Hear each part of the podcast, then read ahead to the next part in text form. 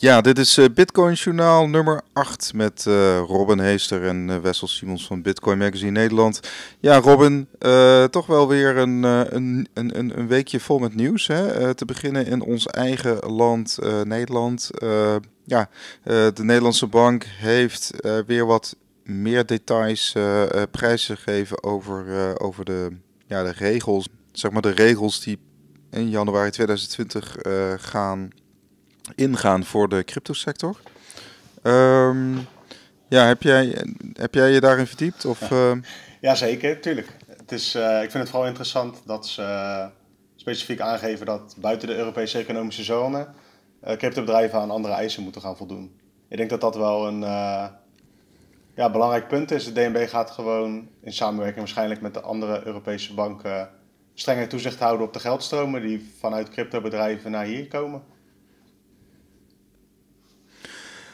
Ja, en dat, dat is zeg maar eh, bedoeld hè, om um, eigenlijk de, de eigen, het financiële stelsel, de integriteit zelfs van het eigen financiële stelsel te waarborgen. Hè. Dus uh, je ziet dat, uh, ja, dat de overheid, in dit geval de Nederlandse overheid, deze anti-witwas-richtlijn vanuit Europa aangrijpt om, um, ja, om dit zeg maar ook verder door te voeren voor deze categorie uh, aanbieders. Hè. je hebt natuurlijk banken, verzekeraars, trustkantoren en nu heb je dus ook aanbieders van cryptovaluta of uh, walletmakers die dus onder, deze, onder dit toezicht gaan vallen van de DNB. Ja, tegelijkertijd benadrukt de DNB eigenlijk wel dat het niet echt nieuw beleid is, maar meer ook gewoon toegepast op, de, op crypto geld. Want deze regels gelden eigenlijk ja. ook gewoon als jij en ik eh, zaken zouden doen met iemand uit China, dan gelden dezelfde regels voor zometeen. Voor als we zaken zouden doen in, in dollar, in euro of in bitcoin. Ja.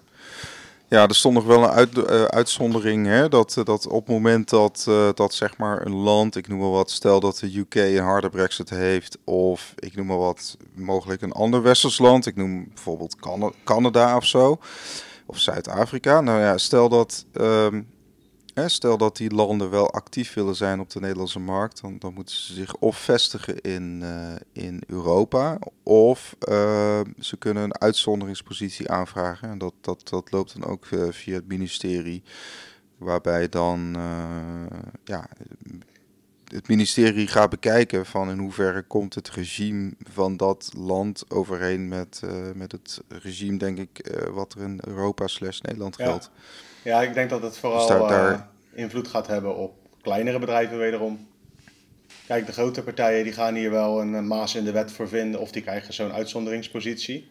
En op die manier denk ik dat je vanuit uh, Europa's perspectief iets meer controle houdt over de cryptogeldstromen. Want met z'n allen zijn we nu bezig met regels voor in, binnen Europa. Maar er moeten ook regels zijn voor als het geld hier naartoe komt vanuit buiten Europa. Ja, de administratieve romslomp neemt gewoon toe. Hè? Dus ook voor de kleinere aanbieders, die hebben nogmaals de keuze van, uh, ja, gaan we, gaan we deze weg inslaan? Ja. Uh, de weg van uh, meldingsplicht, registratieplicht, toezicht, antecedentenonderzoek, ja, alles wat daarbij hoort. Of ja, of duik je zeg maar bewijs van de illegaliteit in. Hè? Dat, dat is natuurlijk ook nog steeds uh, ja, een optie. Ik denk dat alle blockchain data analisten uh, met vijf handjes zitten te wachten op al deze regels. Dan kunnen ze mooi ingehuurd worden. Ja. Ja, we hadden recent ook een nieuwtje van, van een, uh, dat was dan een exchange uit, uh, uit Londen inderdaad, die, uh, die ook bijvoorbeeld zaken doet met, met Bitfury. En Bitfury is bekend van de mining, maar ze doen dus blijkbaar ook, brengen ze software op de markt waarmee je dus eigenlijk alle transacties op je platform compleet kan tracken. En uh, ja, dat is natuurlijk ook weer een, een, een, een, stap. Hè? Dat, dat, dat uh, feitelijk alles op de gecentraliseerde exchanges is gewoon ja, na te gaan. Hè? Omwille van de regelgeving uiteraard. Ja, dat is juist precies en, waar Bitcoin op termijn buiten wil treden natuurlijk. Kijk, nu moeten we nog met z'n allen onze eurotjes inruilen voor Bitcoin. Tenzij je werkt en betaald krijgt in Bitcoin. Maar je moet nu toch nog altijd langs die paar checkpoints als normale burger. Ja, dus zeg maar al je transacties ooit bij een exchange, die worden met terugwerkende kracht. Hè, op het moment dat een aanbieder zich gaat registreren, dan, uh, dan, dan feitelijk um, verplichten zij zeg maar, zich om de transacties, um, ja, hoe zou ik het zeggen, oh, inzichtelijk te maken voor de, voor de wetgever. Ja. dus, ja, het is gewoon, uh, je hebt niet anoniem bitcoin gekocht als je met je Ideal of creditcard uh, ergens in Nederland dat hebt gedaan. Maar eigenlijk wist iedereen dat al. Nee. Als je het echt wil, echt anoniem en privacygevoelig, dan zijn daar manieren voor, maar die worden eigenlijk niet echt gepromoot natuurlijk. Want dat is gewoon illegaal. Je moet, de fiscus wil weten hoeveel geld je hebt. dat is het punt. Ja. Ja. Nou ja, dan zijn we ook bij een ander nieuwtje wat deze week kwam. Hè, dat vorige, volgens mij, we hadden deze week Frankrijk die aangeeft van... Um, ja, crypto wordt in principe niet belast. dus als jij crypto hebt, dan wordt het niet belast. Hè. Dat, dat, dat komt overeen met, met Portugal. Um, Alleen, ze gaan wel kijken op het moment dat je gaat betalen met bitcoin, dan komt er wel een btw eh, overheen. En dat is volgens mij in strijd met de uitspraak van het Europese Hof van Justitie. Oké. 2015 uit mijn hoofd. Uh, die, die eigenlijk aangaf, nou ja, bitcoin is, uh, is een goed, zeg maar, is een schaars goed. En kan nog niet als zijnde uh, ja, geld of een betaalmiddel worden aangemerkt. Ja. we spreken over 2015. dus uh, ja, transacties met. Ja, ja de, de, de transacties zijn btw-vrij, zeg maar. Ja. Dat is, dat is destijds de uitspraak. Ja, in Portugal is dat ook zo. Ja, Frankrijk. Ja, in Portugal betaal je dus. Um, Geen btw voor zover, en geen inkomstenbelasting. Op je nee, bitcoin. Nee, dus. Uh, Nee, en voor, voor, voor zover ik weet, maar dat zouden we even moeten nagaan, uh, is ook dus de vermogensbelasting uh, uh, vrijgesteld. En dat is natuurlijk in Nederland wel. Um, je, kunt zie, je kunt zeggen dat, dat bit, bitcoin of, of, of crypto kun je aanmerken als, als een belegging, zeg ja. maar. En dan valt het in box 3. Ja, dat is ongeveer 1,3 procent, toch? Van het bedrag boven de 30.000 ja, uit mijn hoofd voor een single iemand? 1,3 of 1,8 inderdaad. Dus de, dat is de belastingdruk, zeg maar. Uh, nou ja, goed, dat... Uh, dat Wat opmerkelijk ja, bij de regelgeving wat er in Frankrijk nu wordt geroepen is natuurlijk... het wordt pas belast als je het van bitcoin naar euro doet. Dus eigenlijk Precies. wordt het aangemoedigd om je bitcoin gewoon lekker vast te houden. Ja, ja het is een fiscale prikkel eigenlijk om te hoddelen. Ja. En dus, uh, maar goed, dat, dat is natuurlijk ook een, een manier om in hun ogen de, hun eigen economische systeem uh, te beschermen natuurlijk. Hè? Om te voorkomen dat, dat er misschien te veel met bitcoin betaald wordt. Zo kun je het ook uh, uitleggen. Ja, je wil op termijn natuurlijk als land, wil je niet dat jouw geld uit jouw land floot en naar bitcoin gaat. Want die euro's of dollars waarvoor je dan bitcoin koopt, dat komt niet in Frankrijk terecht. Dat gaat naar de bitcoin miners, die voornamelijk in andere landen zitten. Ja, vooral uh, onder andere China natuurlijk. En, en, en nou, hetzelfde probleem. En cryptobeurzen, uiteraard. Ja, uh, we hadden ook een stukje over Argentinië natuurlijk, met de peso-crisis. En, en, en, en daar zie je ook dat, uh, dat de regering ten eerste bang is dat het naar de dollar gaat. Dat mensen dollars gaan opnemen. Uh, en ten tweede, uh, dat, ja goed, ze kunnen vooralsnog die handel, die lokale uh, bitcoin-handel, kunnen ze niet ehm, stopleggen. Hè? Dus, maar je ziet dus wel aan de cijfers van um, Coindance dat, dat, dat zeg maar het volume van peso naar bitcoin toeneemt. Ja, tegelijkertijd moet je er wel onthouden natuurlijk dat de peso heel erg in waarde daalt. Dus dan gaat het, als het zeg maar, aantal bitcoin dat gekocht wordt gelijk blijft, maar de peso daalt in waarde, dan gaat het volume van peso natuurlijk wel omhoog. Dus ik weet niet in hoeverre dat uh, gecheckt was. Nou, ze, ze, kijken zeg maar naar uh, zeg maar de, de waarde van de bitcoin die gekocht is.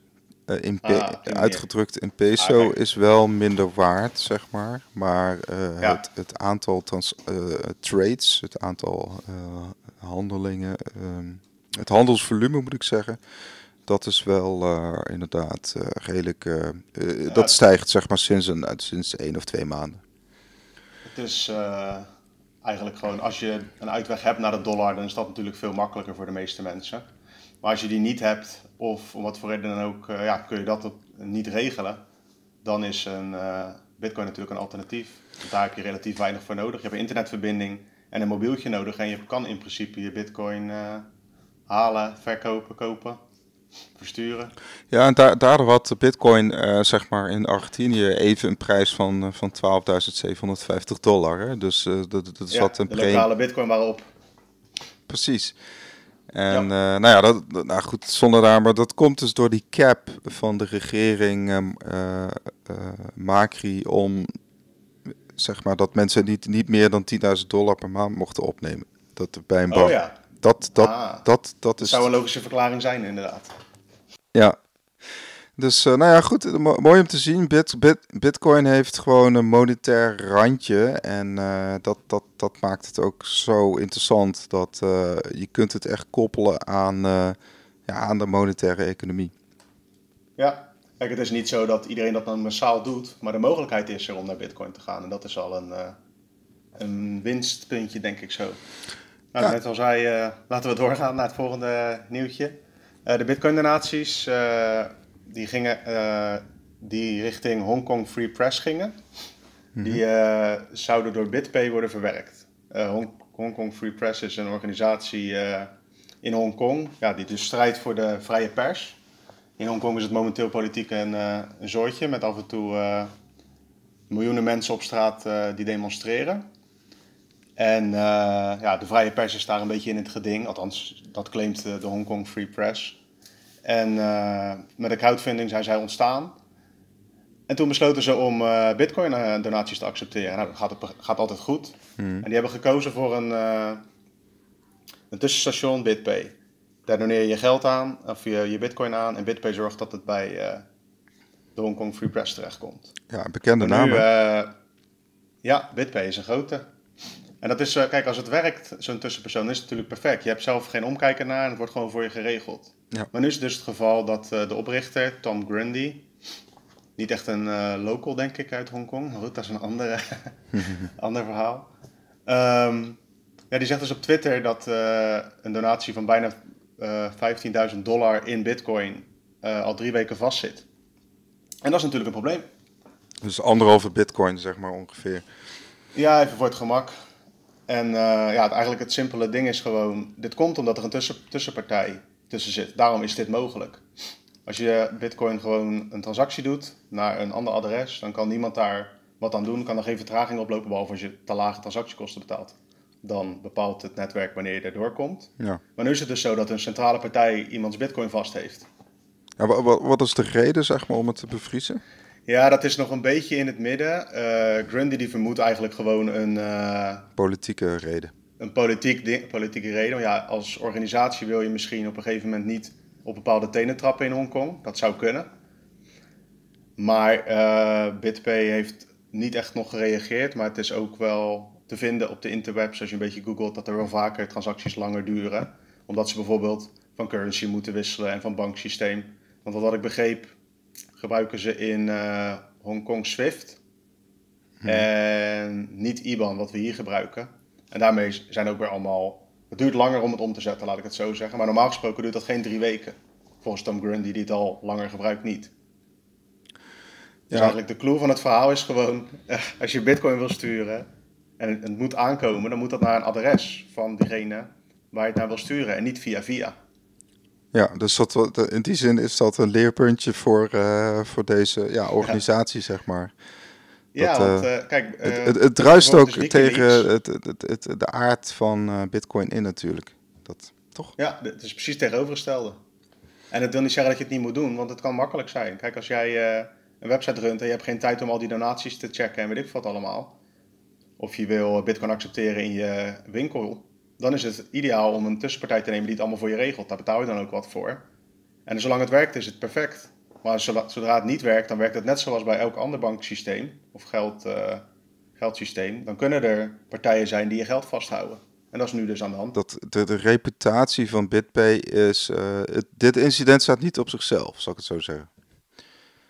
En dus... Nou ja, misschien kunnen we binnenkort even met onze Nederlandse contactpersoon bij BitPay even een update doen op de site. Ja, ja BitPay heeft ook uh, eerder zo'n probleempje gehad dit jaar. Dat heb ik toevallig uh, nog even opgezocht. En dan kwam erop neer dat iemand wilde een grote donatie doen aan uh, de brandbestrijding in de Amazone. Het bos gaat daar in de fik.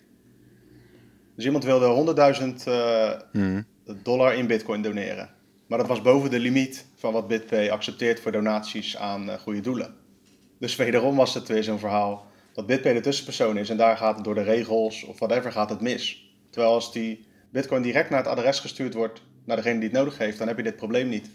Ja, dus, dus, dus BitPay bepaalt de regels. Dus dat is gewoon een vorm van censuur, kun je, kun je zeggen. Hè, toch? Ik bedoel, ja, dat, kijk, als, als de Rabobank uh, mijn betaling niet doorkomt, is dat dan censuur? Ja, op zich in de pure kern van het woord wel. Het is een nou, beetje, ja, je kiest er wel voor om hun services te gebruiken. Dus dan ga je akkoord mee dat zij dit kunnen doen is niet wenselijk en ik, ik heb zoiets van, nou BitPay, uh, misschien is dit niet helemaal de bedoeling. Maar ja, voor hetzelfde geld zit er bij hun in de organisatie iets op die manier gebouwd dat het wel moet. Je weet het niet. Ja, misschien, misschien hadden ze... Probeer te betalen direct via Bitcoin-netwerk, dan is het opgelost. Ja, of, of wellicht zijn er alternatieven hè, in de markt die, uh, die, die, die uh, toch wat marktaandeel van uh, BitPay willen afsnoepen. Ja, maar er nog steeds, zijn ook nog steeds derde partijen die te maken hebben met legal consequences en zo. Ja, ja, ja. Maar goed, je kunt, uh, maar goed, dat is een beetje speculoos. Je kunt, het kan zijn dat de regering in Hongkong ja, zeg maar druk uitoefent op, op service providers zoals BitPay. Dat zou kunnen. Ja, of om het te voorkomen dat BitPay dit gewoon eventjes stopzet. Want het is voor zo'n partij inderdaad niet fijn als Hongkong boos is. Nee, nee. Nou ja, goed, interessant. Um, even kijken, dan hadden we nog het nieuwtje rondom, ik denk het Lightning Network van Bitcoin. Ja hoor, gooit hem er maar in. Nou, we zien natuurlijk uh, heel veel berichten over, over hashrate, zeg maar, de afgelopen weken. Daar hebben we het vorige editie ook al over gehad. Maar misschien toch even goed om dat heel even aan te raken. En, op fundamenteel niveau is het, is het netwerk, zeg maar, uh, ja, op zijn veiligst, zeg maar. Hè? Dus uh, we hadden iets van 94. Uh, ehm, moet ik even niet, maar in ieder geval. Hup, huppele hup hashjes, heel veel. quintillion of zo, ja. ja ehm, zoiets. Ja, en dus, dus zeg maar, de rekenkracht van het netwerk is op een hoogtepunt. En dat heeft een aantal verklaringen, toch? Hè? Het kan zijn dat, dat er gewoon betere apparatuur is uh, gebruikt. Ja, sowieso betere apparatuur. Bitmain komt nu bijvoorbeeld, uh, dat was uh, mining gigant van uh, oudsher, tussen aanhalingstekens van een paar jaar geleden. Die komen ook weer met nieuwe mining hardware op de markt. En iedereen probeert toch weer zijn graantje mee te pikken nu het weer winstgevend blijkt te zijn om bitcoin te mijnen op plekken waar de energie goedkoop genoeg is. Ja, meer dan winstgevend. ik eh, bedoel, we hadden volgens mij een postprijs van 2700 dollar bij Hut 8, zeg maar. Dus dat, ja, dat, was dat in Canada, toch? Dat is, dat is in Canada inderdaad. En we hadden ook een Duitse partij die in uh, Noorwegen aan het minen is, zeg maar, via waterkoeling en luchtkoeling. En die betalen 3, 4 uh, eurocent per kilowattuur. Dus dat, dat zijn lekkere energietarieven. Hier is het vijf keer zo hoog of zo, toch? Voor de gemiddelde. Nou, voor, een, voor een, een, huishouden zit je al gauw richting tussen de 21 en 24 eh, cent. Ja, dus, dus uh, veel duurder. maar af ja. zo duur. Ja, goed. Ja, dat is ook wel te verklaren, hè? want dat is zeg maar uh, energie die gewoon anders niet gebruikt wordt. Anders is het niet zo goedkoop. Ja, dus ja, we hebben een energieoverschot in Europa. Hè? Dat, dat is eigenlijk niet bekend, maar en, en iemand had daar een heel mooie uitspraak over. Dat uh, volgens mij was Tuur de Meester in een interview met uh, volgens mij een Zwitsers blad. Hij zei van ja, uh, die, die, Bitcoin is gewoon een, een, een, een, een, een, een digitale manier om energie zeg maar, zo efficiënt mogelijk om te zetten in, in ja, in een soort digitale vorm. Zo kun je het ook zien. Ja, als, hè, dat het, als we zeg maar de science fiction kant opgaan, dan zou je kunnen redeneren van uh, is het energie waard om dit te doen of om bitcoin te minen? elke keer die keuze wordt er op een gegeven moment gemaakt. In die gebieden is dat al aan de hand. Ja, ja volgens mij had Max Keizer had dat er zelfs over van, uh, ja, dan zitten we echt een beetje in de speculoos. Maar hij zei op Twitter van, ja, er kan TZT ook een soort strijd uh, om die datacenterruimte ontstaan. Hè? Tussen, tussen het, het, het, het, het fiat geld wat die datacenters gebruikt en uh, het alternatief. Goed, dat gaat wel heel erg ver, maar...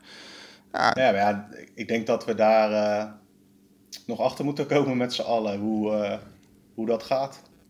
Dus de, de, ja, op de achtergrond heb je gewoon ook een strijd om, om de energiebronnen, kun je zeggen. Of in ieder geval de resources om, om geld te maken.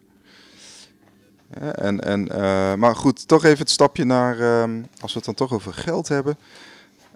Ja, Lightning Network is eigenlijk een manier hè, om, om Bitcoin te schalen, zeg maar. En, de, de, de, de basislaag van Bitcoin is uh, het protocol, dat is een vrij dik protocol. En daarboven, daarbovenop kun je allerlei applicaties uh, bouwen. En een van die ja, uh, netwerken, kun je zeggen, is, is Lightning Network. Ja, gewoon een, tweede laag, een tweede laag erbovenop. die je optioneel kan gebruiken als je van Bitcoin gebruik maakt om ja, precies. En, uh, sneller transacties naar elkaar te kunnen sturen zonder de onderlaag te belasten. Ja, precies. En een van de voordelen is dat, dat je gewoon hele, uh, je kunt vrijwel instant, zeg maar, uh, één satje overmaken. Dus echt de, de, de kleinste eenheid van, uh, van Bitcoin. Ja, sterker nog, je kan nog minder dan een sat overmaken op Lightning Network. Tot een paar komma's verder. Oh, oké, okay, gaaf. Dus ja, dat is ook nog een dingetje van mocht de SAT ooit te veel waard worden, wat we met z'n allen hopen natuurlijk, dan kunnen we die komma ook nog opschuiven op bepaalde manieren. Volgens mij helemaal beneden in de onderlaag, maar dat is natuurlijk, dan gaat het heel moeilijk worden, want dan moet er echt, uh, moet het netwerk ermee eens zijn, de nodes.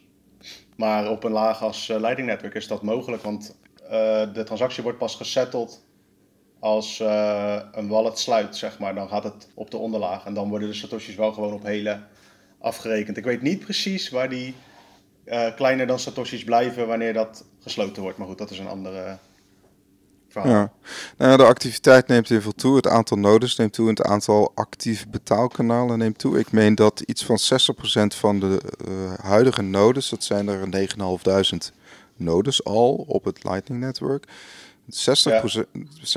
60% daarvan, dat is een actief betaalkanaal, zeg maar. Dus de, ja, die heeft regelmatig activiteit met de betaling ontvanger of versturen of ja. Uh, et cetera.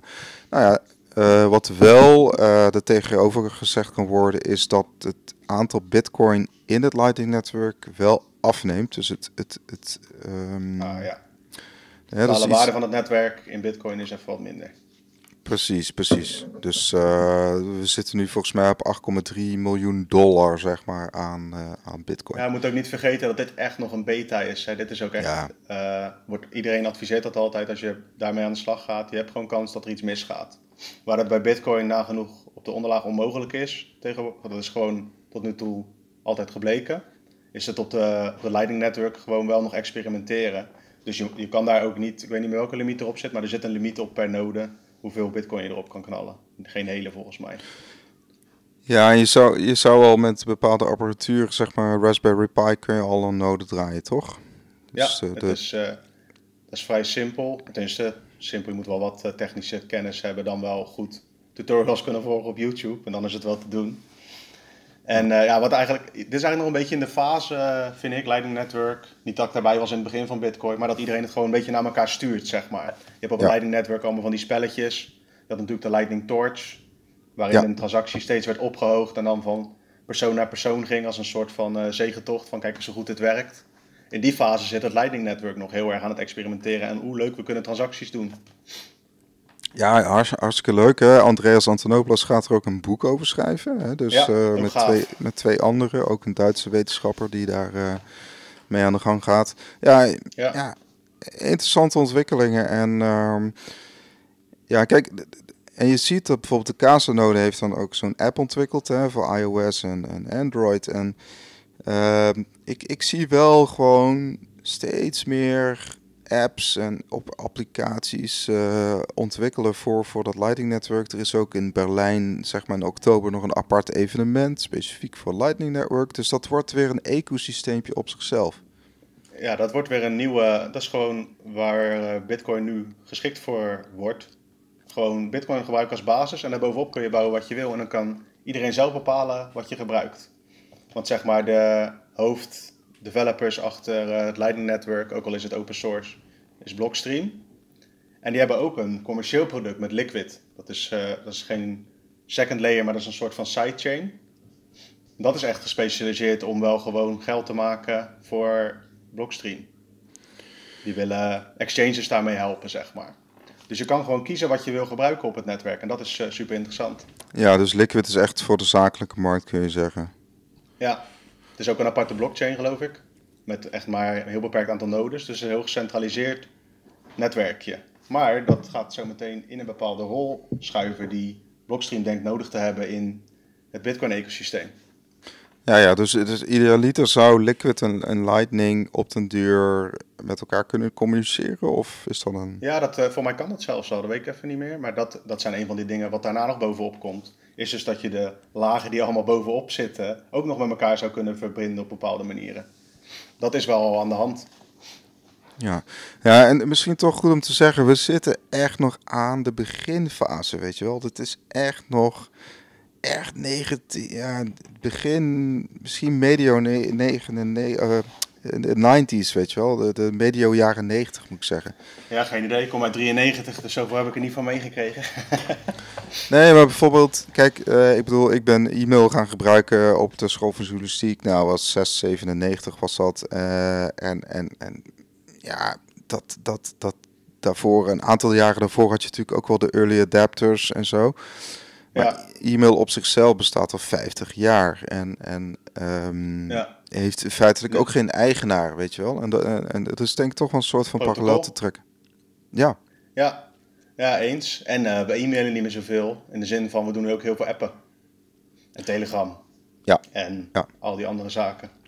Ja, nee, eens, eens. Maar um, oké, nou ja, goed. Ik wil alleen maar zeggen uh, het, het, we gaan een hele interessante tijd in om te zien hoe al die applicaties op het uh, Bitcoin-netwerk worden gebouwd, zeg maar. En, ja, en, wordt super interessant. Lightning Network, als het gaat doen wat het moet doen, dan kan het zoveel verschillende dingen ook nog aan gaan bieden.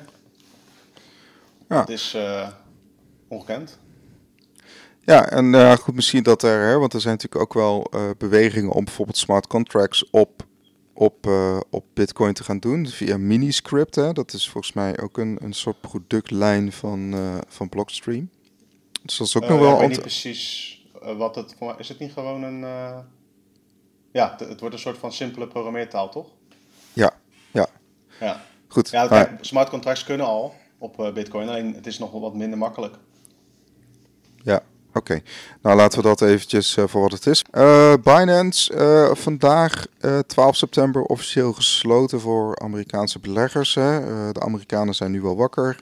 Die kunnen niet meer met Binance treden, zeg maar. Dat is op last van um, vermoedelijk onder druk van Amerikaanse autoriteiten. Die toch kijken... Um, ja, wat voor beleggingsproducten zeg maar Amerikanen zeg maar blootgesteld worden. En ja, utility tokens, dat is gewoon, uh, daar zijn ze heel erg keen op. Dat zien we gewoon aan, aan, aan, aan ook de uh, ja, verschillende ICO-cases uh, bij de SEC, hè, die, die op dit moment lopen ja. bij de SEC.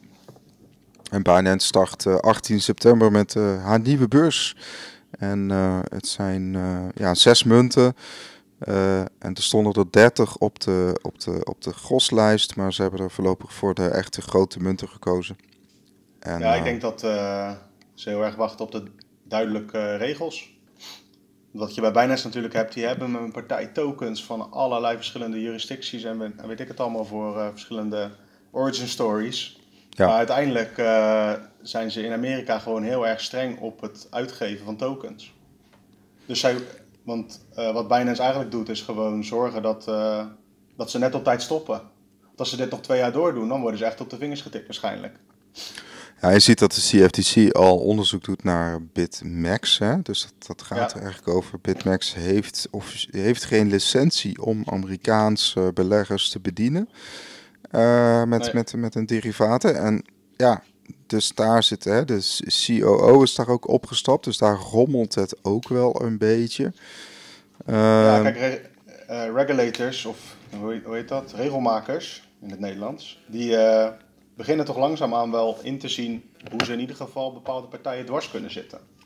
Of dat nou de intentie is, weet ik niet. Dat is een, andere, een ander verhaal. Maar het feit is wel dat er nu echt meer dan ooit uh, gecontroleerd wordt en gekeken naar die beurzen. Ja, omdat het toch centrale, het zijn gewoon centrale punten van, van kapitale macht. En, en, en, en ja. Uh, ja, ze zijn kwetsbaar, weet je wel. genoeg hacks of uh, ze hebben geen multisig gebruikt of whatever. Uh, maar ja.